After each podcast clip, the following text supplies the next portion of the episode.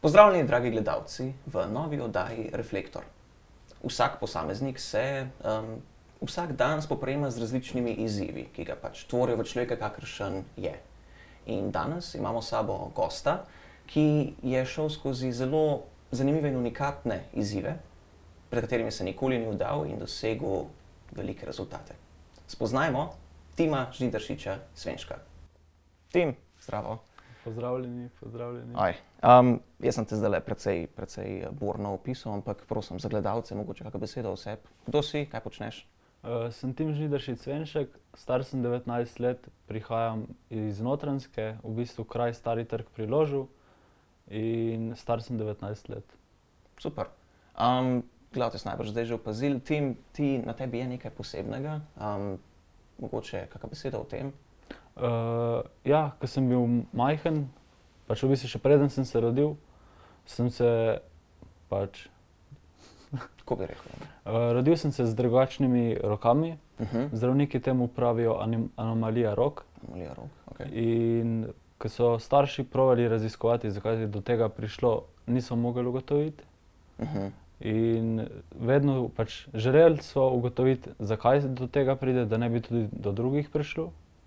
Na svetu nas je trenutno NS7, Okay. ampak vsak ima drugačno obliko. Naprimer, uh, gospod iz Amerike ima naprimer, večji prst, Uh -huh.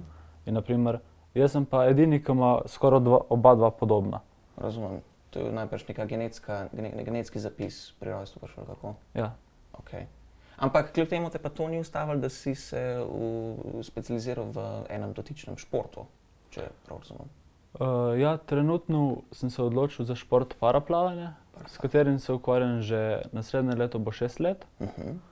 In jaz bi rekel, paraplavanje je meni najlepši šport, zaradi tega, ker tam razgibaš svoje telo, razgibaš vse, tudi vse mišice delajo Štekam, ja. in tudi voda te sprosti. Razumem. Kako je sploh prišlo do tega, da si začel plavati? Ja, do plavanja je prišel čisto po naključju, Uh -huh. zato ker uh, sem imel gospod psihologinjo Svetlano na centru Risoča, Uh -huh. kjer je bila tudi gostitev parašportnikov, ki so prišli iz tekmovanja in so prenesli v bistvu predstaviti svoje življenjske zgodbe, svoje medalje pokazati. Uh -huh. In me je Svetlana v bistvu poslala, da bi si pogledal to predstavitev. In pol sem si to predstavitev pogledal, in me je trenerka, pač v bistvu gospa, ki je zdaj moja trenerka, je, mi je dala kontakt od drugega trenerja, na katerem sem, pač, sem se zmenil, sem prišel na prvi trening plavanja Uh -huh. in sem pa je tako dobro odplaval, da me je kar prijavila na državno prvenstvo. Ah, hudo. No. Ampak slavljen si pa najbolj začel že kaj prej. Pri, pri kakih letih si dejansko že začel plavati? Ja, v bistvu splaval sem na pr štirih letih. Štirih letih? Pri štirih letih sem splaval, ker me je oči, oči me je v bistvu nahecal, da so pozabila rokavčke v stanovanju. Aha, ok. In potem je rekel, ali greva nazaj hoditi, ker je bilo pure hoje, ali greva pa na bazen, pa pač me bo navadil plavati. Oh. In potem sem se navadil v bistvu lebdeti na vodi, uh -huh. tako da v bistvu moraš ti vodi mr- zaupati. Mrtvak? Ja, ja, mrtvak, Ja. mrtvak. Ja. In na to sem pa naslednji dan začel še z nogami brcati, in potem sem se naučil v bistvu plavati hrbtno. Oh, hudo. Ja, fajn. Drugače pri plavanju, ko plavaš, um, koliko ti dejansko roke pri tem pomagajo? Ali vse na, na nogah zares? V bistvu pri plavanju rok ne smemo uporabljati, pač lahko jih uporabljam na treningih, na tekmovanjih jih pa ne smem, zato ker pač ne spada.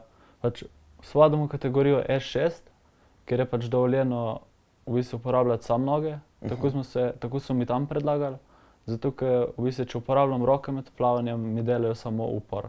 Ha, razumem. Tako da je vse na nogah. Prav večje breme, kot zares izkoristek. Ja, Ja. razumem. Okay. Um, torej, plavaš, rekel, zdaj bo šesto leto plavanja. Uh, in to plavaš na katerih, na katerih različnih uh, nivojih uh, tekmovanj? Ja, uh, eno, dve leti nazaj sem bil v bistvu na paraolimpijskih igrah v Tokiu. Hudo. To se pravi, da je to kar najvišji nivo, kolikor je možno. Okay. Trenutno za paraolimpijske igre v Parizu še nimam norme, ampak se bomo potrudili, da jo lovimo. Če pa ne bo šlo, me pa čaka v bistvu Evropsko prvenstvo Uh -huh. uh, na Madeiri, ker se bom pač tudi potrudil, da bomo čim boljši rezultat naredili, ali pa celo prišli na stopničke. Velja. Recimo pri smučanju, zdaj, ker razmišljam, imajo te različna državna prvenstva in tudi te uh, neke pokalna prvenstva. A v plavanju imate tudi to smer, para, paraplavalci? Uh, v paraplavanju v bistvu, so, v bistvu svetovna, je, poteka tudi svetovna serija, Uh -huh. so pa tudi, naprimer, vsaka država ima svoje državno prvenstvo, pol so tudi mednarodna tekmovanja, ampak v bistvu ni istega, da bi se razbirale naprimer, točke z vseh tekem, Uh pa -huh. da so pol naprimer, tekme za pokale. Ampak je v bistvu vsaka tekma posebej in se tudi pač zaključi. Uh -huh, razumem. Um, recimo, kaj bi najbrž gledalce zanimalo, je tudi, uh, ko plavaš, oziroma ko imate te uh, kompetitivno plavanje. Um, po kakem ključu se lahko določi, kdo sme s tabo plavati v isti kategoriji? V bistvu pri plavanju, no, pri, pri pra, paraplavanju Uh -huh. Je vse dogovorjeno. V bistvu obstaja neka komisija, ki naprimer ti začneš trenirati in potem, preden lahko začneš profesionalno tekmovati, naprimer na mednarodnem nivoju, imaš ti v bistvu neko kategorizacijo, ker določijo v bistvu s tvojo skupino, s katerimi boš lahko tekmoval. Uh -huh. Naprimer, uh, preverijo tvojo plovnost, kaj lahko vse uporabljaš. Naprimer, meni so ocenili, da mi manjkata dva uda, Uh -huh. to se pravi dve roki, katerih ne uporabljam. Uh, naprimer, v isto kategorijo pa spadajo, naprimer, če ti manjkajo dva uda, naprimer meni noge, pa tebi, naprimer, da bi manjkale roke, Okay. naprimer, da bi bila oba dva z nogami, Uh -huh. sva v isti skupini.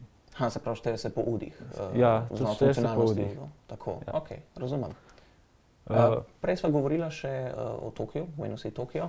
Uh, kakšna je bila ta izkušnja, koliko časa ste bili v Tokiu, kako je to izgledalo? Uh, v Tokiu smo bili tam v času korone, tako da Mhm. smo vsi športniki različno prišli na tekmovanje. Naprimer, določeno je bilo, da si lahko 10 dni na tekmovanju, več ne.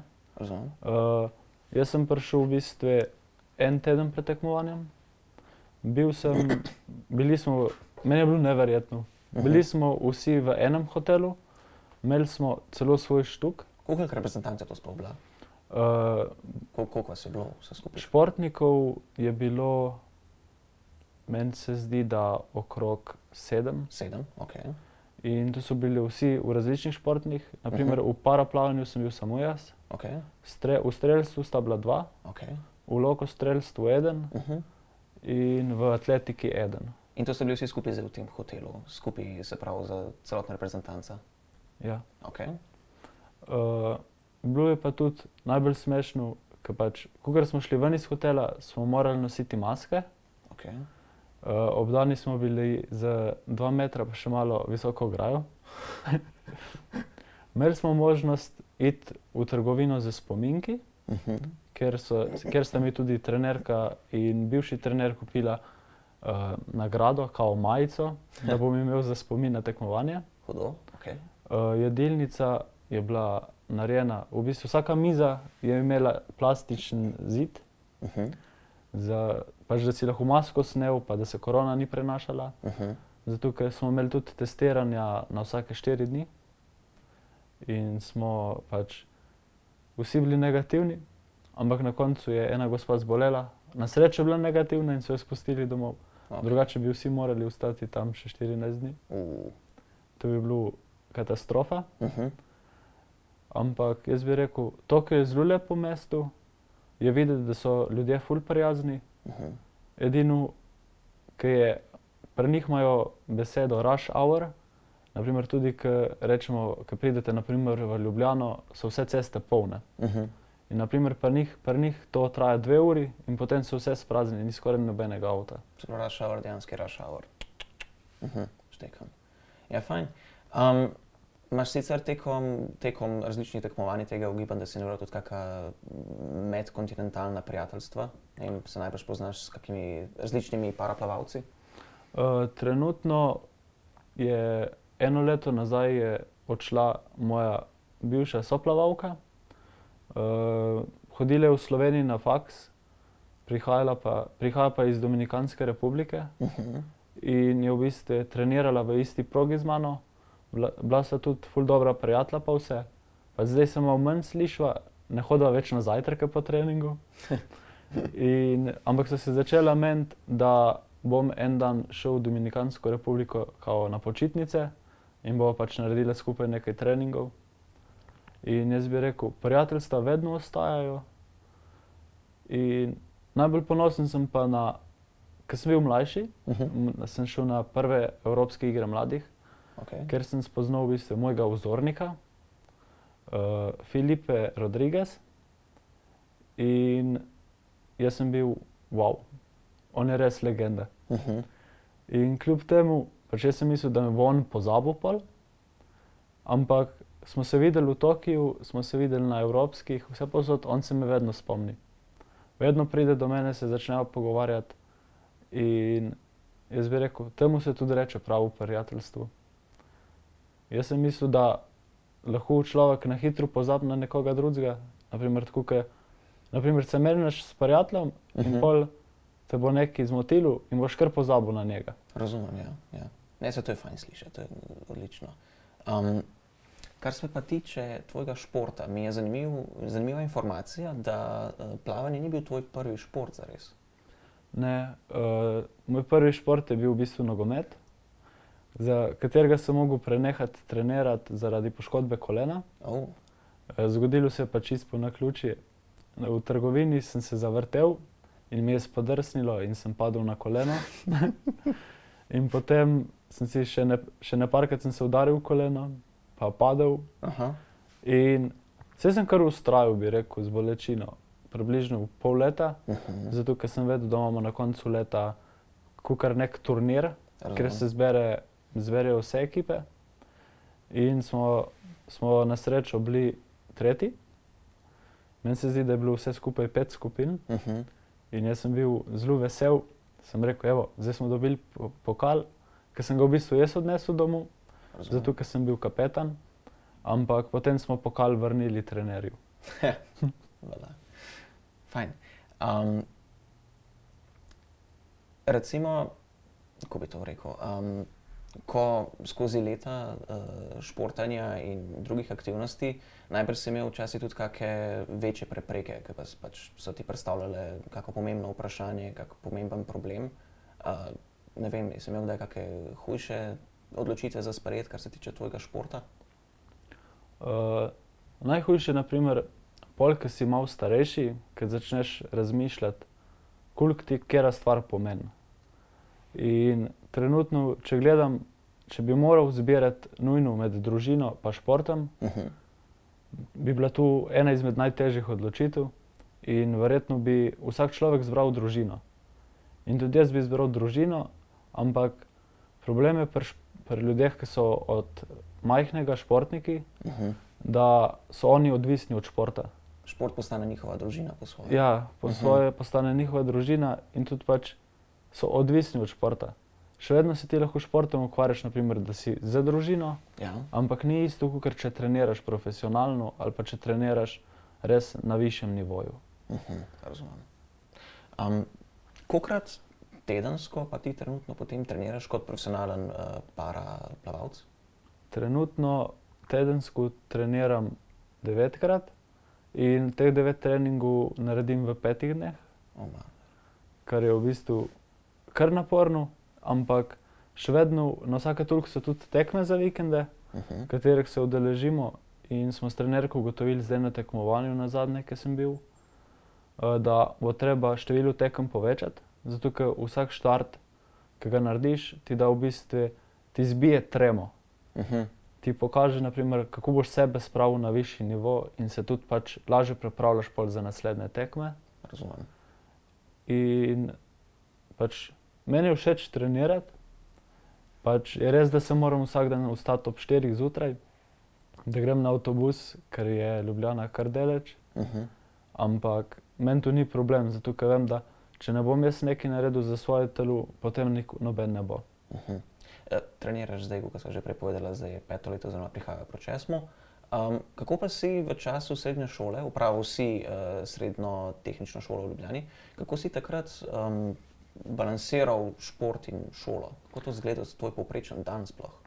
Ja, tu bi rekel, moj povprečen dan je zgledal, da sem zjutraj ob šestih ali pa ob sedmih trening. Uh -huh. In po tren, treningu je trajal približno eno uro, eno uro pa pol. Razumem.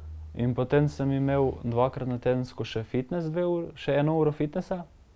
In sem v šolo prišel okrog enajstih, Uh -huh. to se pravi, zamudil sem skoraj polovico dneva. Okay. Vsak dan sem zamudil najmanj eno uro, kar nobenemu profesorju ni bilo všeč. To se pravi, da več ali manj sem šprical šolo, ampak sem imel upravičen razlog. Uh -huh. Uh, za šolo sem bil tudi pač dogovorjen, da imam upravičeno tukaj zamujam. Ampak največji problem je bil, da nisem dobil zapiskov od sošolcev, niti od profesorjev, uh -huh. ker sošolci so rekli, da nimajo časa ali pa da pozabijo. Se razume. Ja. Ampak, kot sem zasledil, noben si ni zapisoval zvezke. Uh -huh. In ni čudno potem, da niso morali dati zapiskov. ja. Sem pa vesel, da sem končno končal srednjo šolo, zato ker je zelo težko uskladiti šolo, Uh -huh. treninge, čas zase. In se moram res, naprimer, bi bilo, je, bilo, je bil velik problem se odpovedati eni stvari. ja, razumem. Ja. Naprimer, trener, ki sem imel v bistvu športnega trenerja, Uh -huh. mi je svetoval, da naj grem, me, naj grem več med ljudi, zato ker mi je manjkalo v bistvu socialnega razvoja, Razumem. ker je rekel, da sem se začel zapirati vase in igrati igrice. Uh -huh. Namesto da bi šel z prijatelji na kavo, pa naprimer, da bi bil z vrstniki, sem se vedno družil z starejšimi ali pa mlajšimi. In to je tisto, kar me je pol spodbudilo, da sem začel naprimer, se odpo- odpovedovati igrati igric. Ampak zdaj, ko sem v bistvu končal srednjo šolo, imam tudi čas za igrice in pač tudi čas za družino. v, v življenju so ljudje imeli različne, ugibam, različne poglede na tvoje kondicije. ne. Um, kako je prihajalo do, do interakcij z njimi, kako je prišlo do tega sprejemanja, um, kako si ti se uh, spopremil s svojo kondicijo? Ja, največji problem je bil, ko si šel naprimer, po ulici in je nekdo začel, mami, mami, le, le, dva prsta.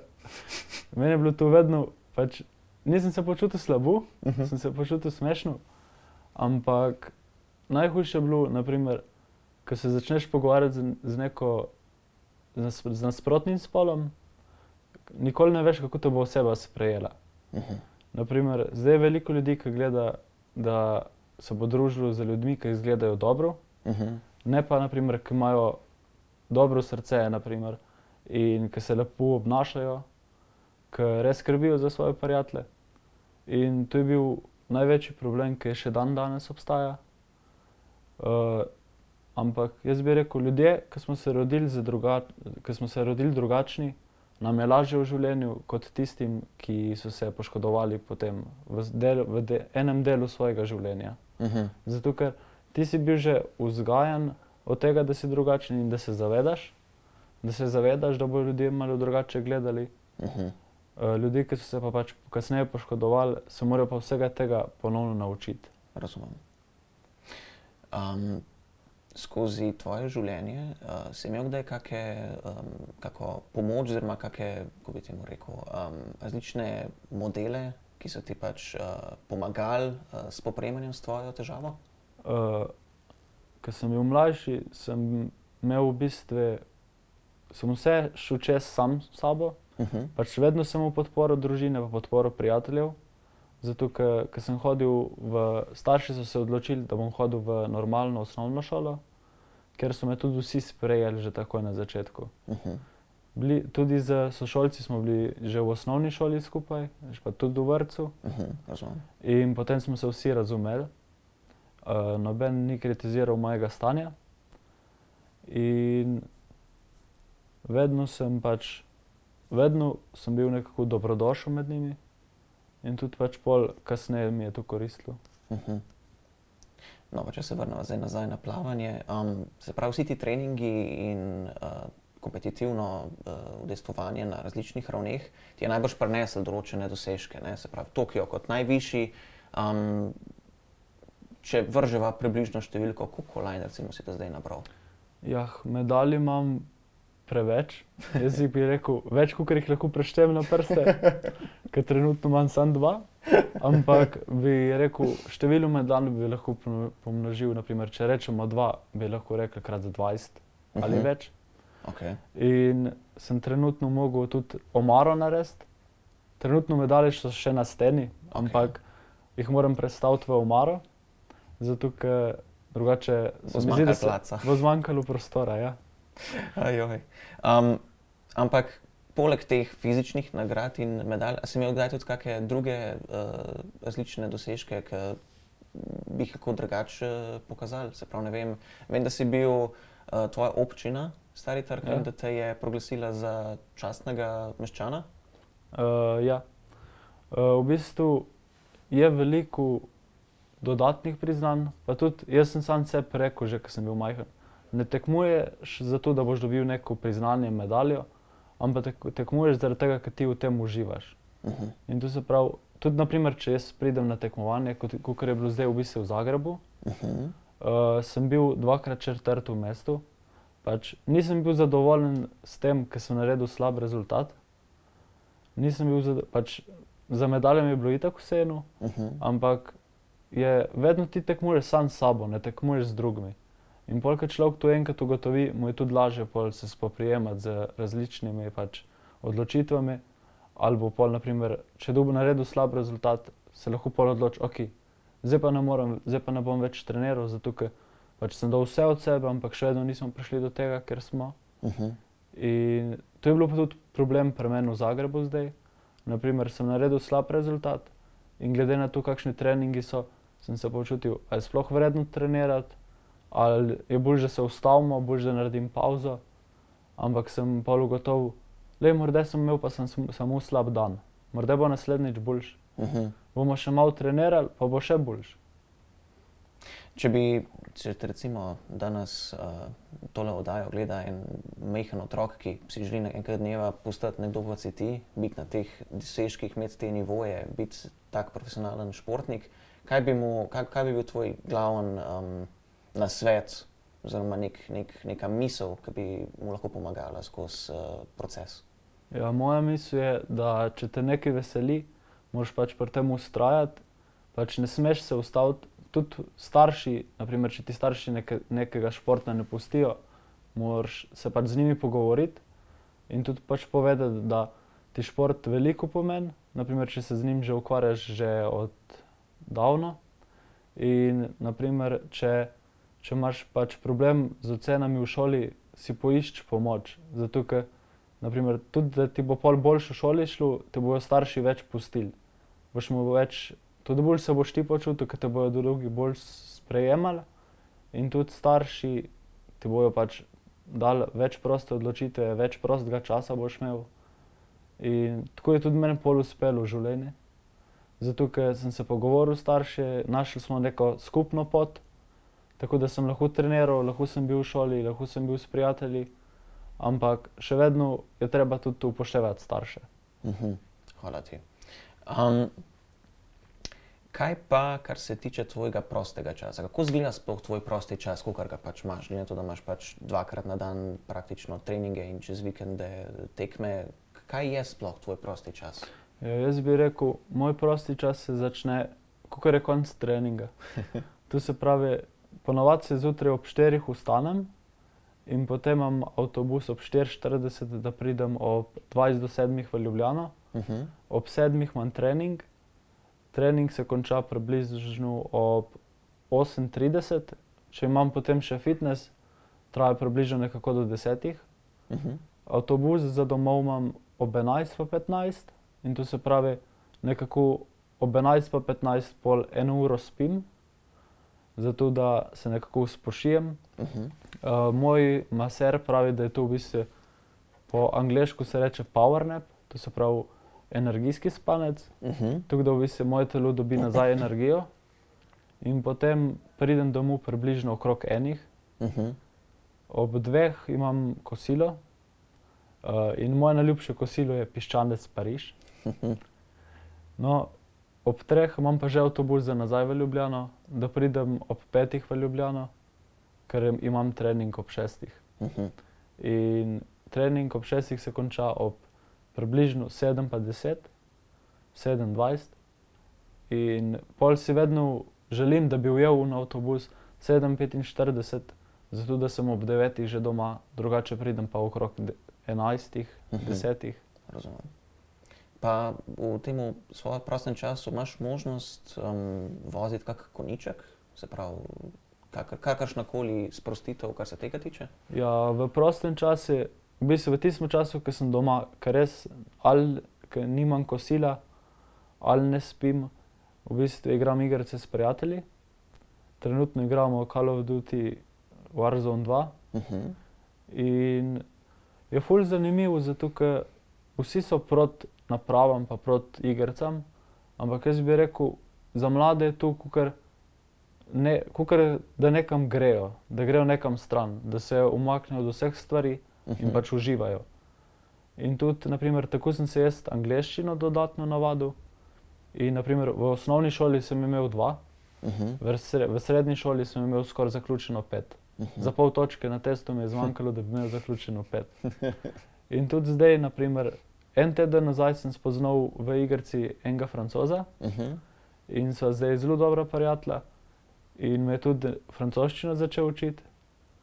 In skoraj eno leto imam pa že prijatelja z Nemčije Uh -huh. in se je odločil, da bo prihodnje leto prišel v Slovenijo, da se bomo spoznali, pa da mu bom Slovenijo pokazal. Super. In jaz bi rekel, prijatelje lahko spoznaš vse povsod, ampak tiste prave so že od rojstva s tabo. Uh -huh.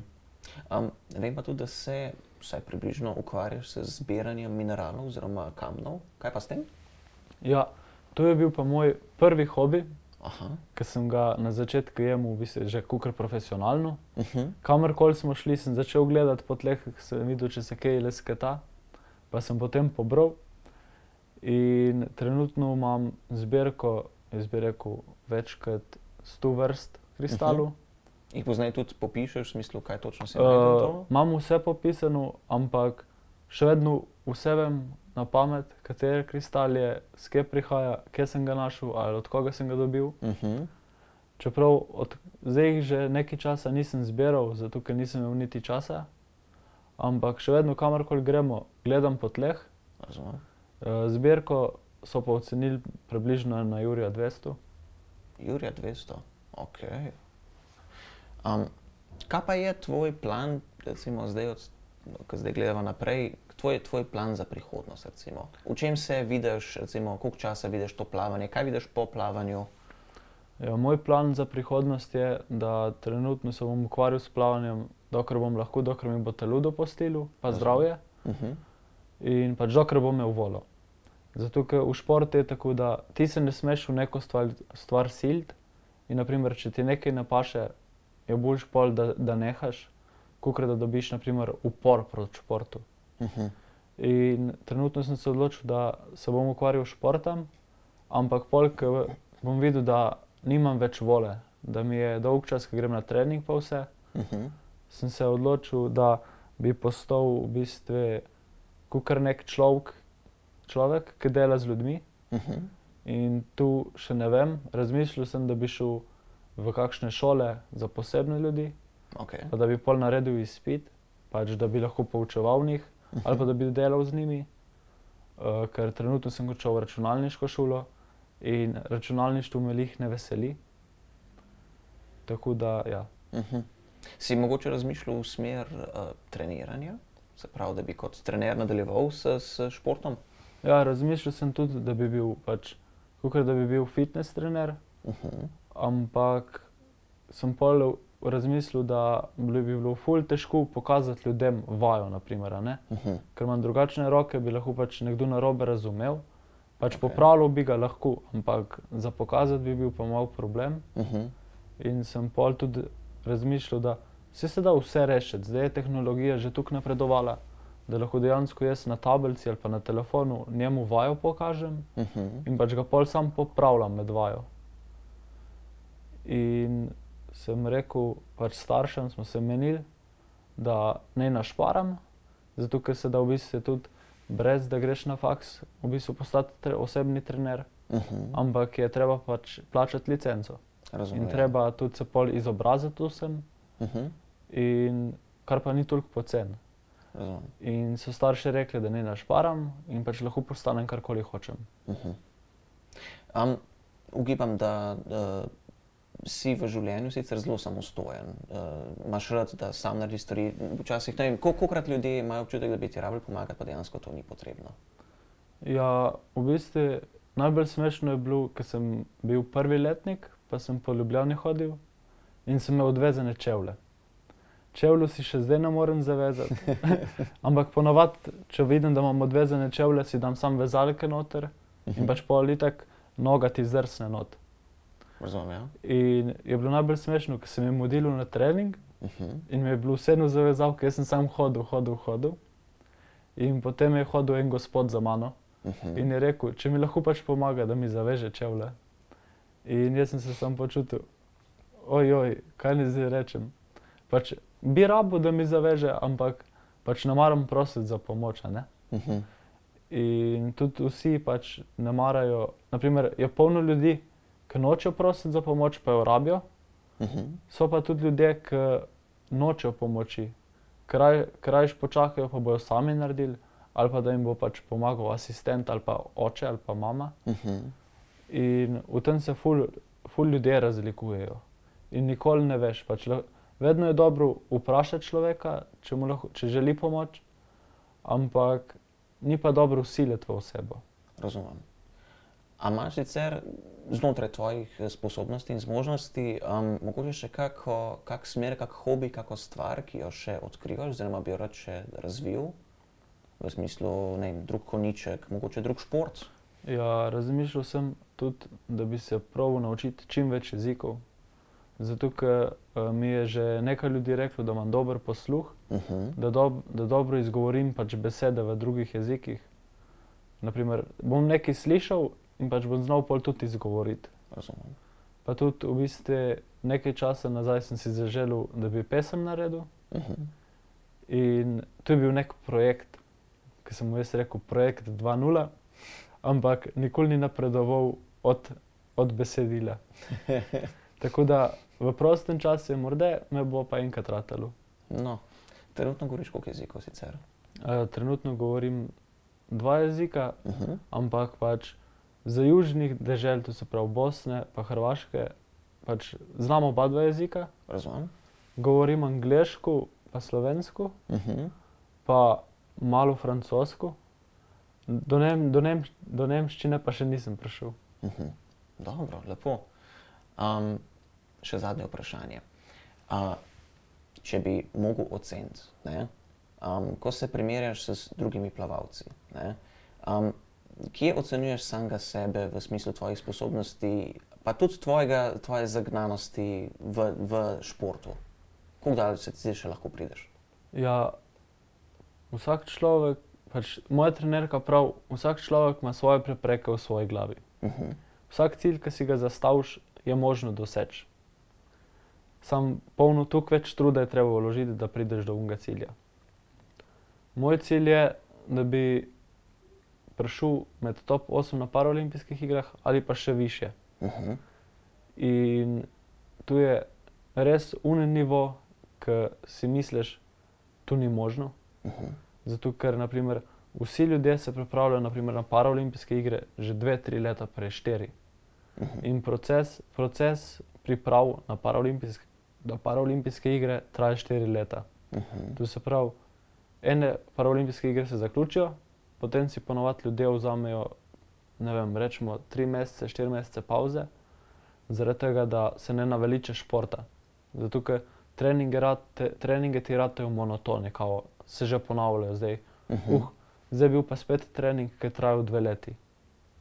In to je, to je v bistvu največji problem, zato ker nikoli ne veš, ali ti bo pauza prav prišla ali ti bo škodila. Uh -huh.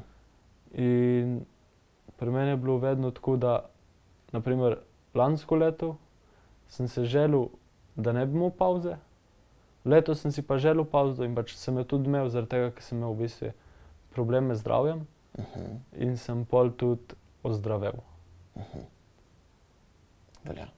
Tim, zahvaljujem se ti za tvoj čas, za tale intervju. Uh, hvala, da si prišel za nas uh, v studio. Uh, zahvaljujem pa se tudi vam, dragi gledalci, za vaš čas, da ste se ogledali to oddajo. Vabim vas, da se nam pridružite takoj pri naslednji oddaji. Spremljate nas na Facebooku in Instagramu za vse druge novice in želim vam lep dan.